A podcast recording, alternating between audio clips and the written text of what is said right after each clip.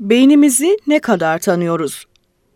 Yazan Hakan Uzun, özel eğitim öğretmeni. Seslendiren Rumeysa Zügül. Matematiksel bir işlemi bir çırpıda yapan birine çok zeki derken, empati kurabilen birine neden zeki demeyiz? Zeki olmak sadece sayısal işlemleri yapmak mıdır? Geçmişte sağ beyin sessiz kabul edildiğinden hazırlanan zeka testleri sol beyin kapasitesini ölçer niteliktedir.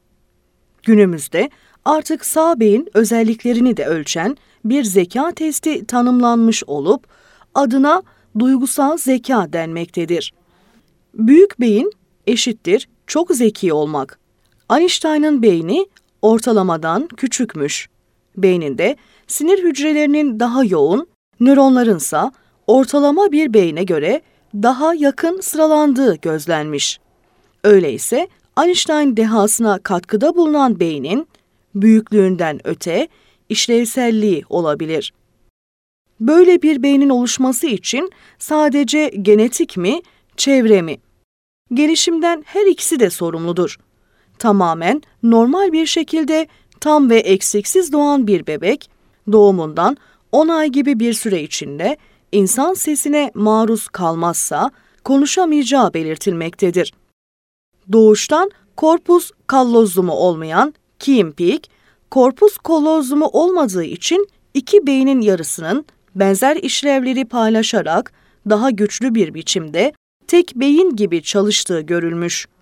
Her iki beynin yarısında okuma yeteneği olduğu için bir kitabın yan yana iki sayfasını her iki gözüyle ayrı ayrı okuyabilip 9000 kitabın içindeki bilgileri hatırlayabiliyormuş. Beynim sulandı. Aynı anda iki sayfayı okuyabilmek mi? Beyinle ilgili düşünce tarihinde ilk hipotez Hipokrat'a aittir. Hipokrat, beyin ile davranışlarımız arasında bağlantı kurarken beyin suyunun önemini belirtir. Ona göre beyin suyu arttığında yani beyin sulandığında bunama belirtileri oluşur. Günümüzde kullanılan beyni sulanmış kelimesini çağrıştırmıyor mu sizce de? 9000 kitaba ömür mü yeter? Öğrenme ömür boyu devam eder lakin ilk 3 yılda en hızlıdır. Çünkü bu dönemde nöronların sayısı fazladır ve birbirleriyle bağlantı kurma kapasiteleri çok yüksektir. Peki Einstein beyninin yüzde kaçını kullanıyordu? Harvard Tıp Okulu'nda görevli bir nörobiyoloji profesörüne bir röportajında beyinle ilgili artık bitmesini istediğiniz bir efsane var mı diye sorulur.